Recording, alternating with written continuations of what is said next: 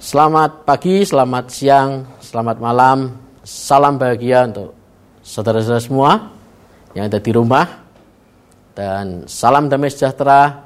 Tuhan kiranya memberkati kita semua melalui pandemi yang ada, melalui kesulitan-kesulitan yang ada. Percaya bahwa Tuhan Allah Immanuel beserta kita semuanya. Pagi ini kita sama-sama buka dalam Keluaran pasal 3 mulai ayat yang pertama. Adapun Musa, ia biasa mengembalakan kambing domba Yitro mertuanya, imam di Midian. Sekali ketika ia mengiring kambing domba itu ke seberang padang gurun, sampailah ia ke gunung Allah, yakni gunung Horeb. Lalu malaikat Tuhan menampakkan diri padanya di dalam nyala api yang keluar dari semak duri. Lalu ia melihat dan tampaklah semak duri itu menyala tetapi tidak dimakan api. Musa berkata, Baiklah aku menyimpang ke sana untuk memeriksa penglihatan yang hebat itu. Mengapakah tidak terbakar semak duri itu? Ketika dilihat Tuhan bahwa Musa menyimpang untuk memeriksanya, berserulah Allah dari tengah-tengah semak duri itu padanya. Musa, Musa, dan ia menjawab, Ya Allah. Lalu ia berfirman, Janganlah dekat-dekat, tanggalkanlah kasutmu dari kakimu, sebab tempat di mana engkau berdiri itu adalah tanah yang kudus. Lagi ia berfirman, Akulah Allah ayahmu, Allah Abraham, Allah Ishak dan Allah Yakub. Lalu Musa menutupi mukanya sebab ia takut memandang Allah. Perikop ini menceritakan tentang panggilan Tuhan atas diri Musa untuk memimpin bangsa Israel keluar dari tanah Mesir. Tapi bukan itu yang yang ingin saya sharingkan, yang ingin saya bicarakan pada saat ini. Tapi ada satu hal yang menarik yang berkisah tentang kisah Gunung Horeb dan Semak Duri. Gunung Horeb sendiri artinya gersang, tandus. Dan Semak Duri itu tanaman yang orang lain orang-orang nggak mau untuk untuk memelihara semak duri di rumah. Bukan tanaman yang elit yang mahal, bukan tanaman yang berharga. Bahkan orang cenderung untuk membabat semak duri itu dan bakarnya.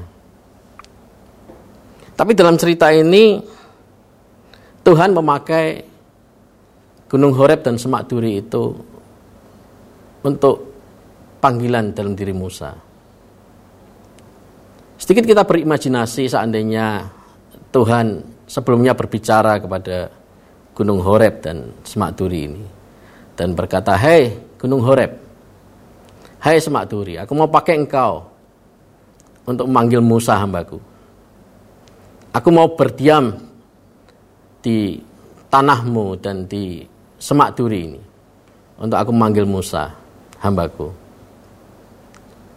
Mungkin Gunung Horeb dan Semak Duri ini akan berkata kepada Tuhan, Tuhan kenapa aku? Kenapa harus aku? Apakah nggak ada gunung yang lain yang lebih indah? Yang kau bisa hadir di sana dan manggil hamba Musa. Semak Duri pun juga bisa berkata, Tuhan kenapa harus aku Semak Duri? Bukankah ada tanaman yang lebih indah, yang buahnya buahnya segar, buahnya enak, yang bunganya indah, yang bisa engkau pakai untuk manggil hambamu Musa. Tapi Tuhan pilih Gunung Horeb. Bahkan disebut Gunung Horeb ini gunungnya Allah, gunung Allah. Tempat yang gersang, yang tandus, kering, semak duri yang tidak berharga, yang orang cenderung akan buang dan bakar. Tuhan mau pakai itu untuk memanggil hambanya Musa. Bukankah demikian dengan hidup kita? Bukankah kita sering berkata, Tuhan jangan aku tapi dia. Panggil aku utuslah dia. Bukankah kita sering berkata demikian?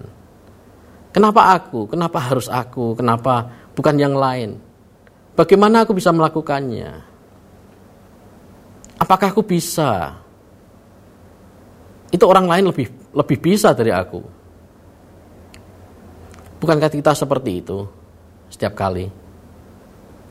Saya teringat akan satu kisah waktu saya tinggal di Jerman kira-kira 20 tahun lebih yang lalu. Saya berjemaat di gereja Indonesia yang dikembali oleh pendeta Jaya Trisno. Dan setiap Sabtu pagi kita ada doa pagi untuk semua pelayan Tuhan.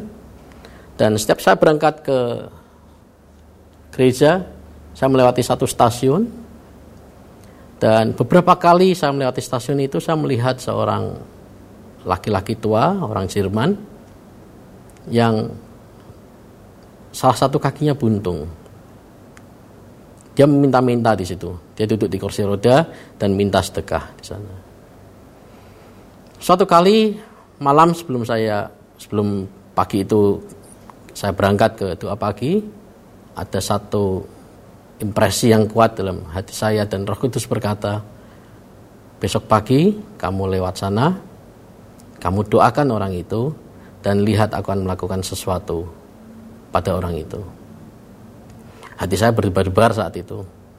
Saya nggak tahu saya mesti ngapain. Saya grogi. Gimana cara saya doakan dia? Dia orang Jerman, saya orang Indonesia. Apa nggak dia marah-marah dan sebagainya. Akhirnya Pagi itu saya ambil keputusan, saya bawa traktat cerita tentang Tuhan Yesus dan saya siapkan koin untuk kasih dia.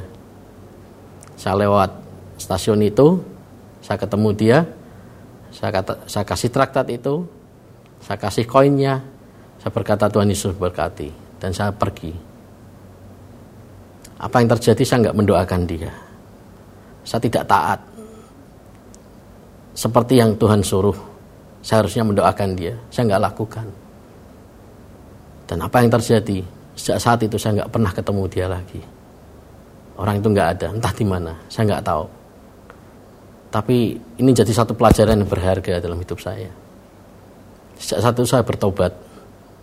Tuhan saya nggak melakukan apa yang kau suruh. Sejak saat itu saya berkata Tuhan, sekarang apa pun juga yang kau suruh baik lewat Roh Kudus bicara dalam hati, baik melalui Bapak Gembala, baik melalui senior-senior rohani saya. Tuhan aku mau taat untuk lakukan apa yang kau mau. Sejak itu saya bertobat. Dan banyak pengalaman dalam hidup yang kemudian yang yang saat saya taat pada Tuhan, Tuhan bekerja melalui hidup saya saat pandemi kemarin yang mengganas bulan Juni Juli Bapak Pendeta Paulus Yusufia kirim pesan pada saya WA saya katakan Paulus ini kalau ada teman-teman atau ada penderita COVID-19 mau konsultasi per WA kamu sanggup enggak saya katakan dengan senang hati om saya akan lakukan semuanya dengan senang hati. Saya nggak akan minta imbalan apa pun juga. Dan memang betul ada banyak yang saat itu berkonsultasi melalui WA dan terus terang jujur saat-saat itu saat-saat yang melelahkan. Saya pagi praktek kadang-kadang saya malam dan tetap harus menjawab WA-WA yang masuk yang berupa konsultasi dan terus terang sangat melelahkan. Tapi saya lakukan dengan senang hati saya lakukan apa yang Tuhan suruh. Memberkati orang melalui ilmu saya.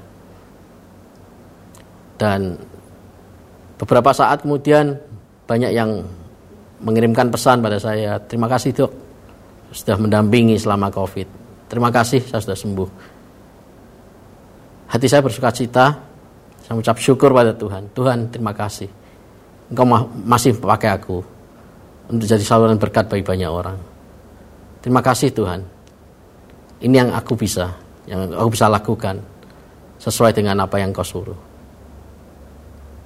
Pengalaman yang lain lagi, dua tahun yang lalu kami bersembilan belas ke Payau, diajak Cituti untuk untuk uh, pelayanan di Payau. Kami adakan praise and worship dua kali di sana. Dan sebelumnya saya tanya pada Cik Tuti, Cik, ini nanti nyanyinya bahasa Inggris atau bahasa apa? Cituti berkata bahasa Thai. Terus terang, saya grogi saat itu. Saya bahasa Thai nggak mudeng sama sekali, ngomongnya aja susah juga. Dan harus WL, worship leader, dalam bahasa Thailand. Saya nggak ngerti apa-apa. Saya sempat merasa juga, kenapa saya ya? Kenapa nggak yang lain? Tapi saya belajar untuk taat. Kita persiapkan semuanya saat itu. Sempat latihan nyanyi dalam bahasa Thai. Kami berangkat ke Thailand, ke Payau. Kami praise and worship di sana. Saya sempat sebelumnya tanya pada Cituti kata-kata yang bisa saya ucapkan dalam bahasa Thai. Tapi saudara bisa tebak, pada saat hari H saya lupa semuanya. Saya tanya Cituti, Cik, aku menyembah Tuhan itu bahasa Thai-nya apa?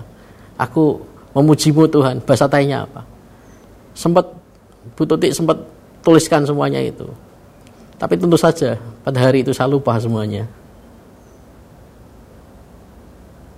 Tapi saya lakukan apa yang Tuhan suruh. Dengan senang hati. Dengan kerelaan.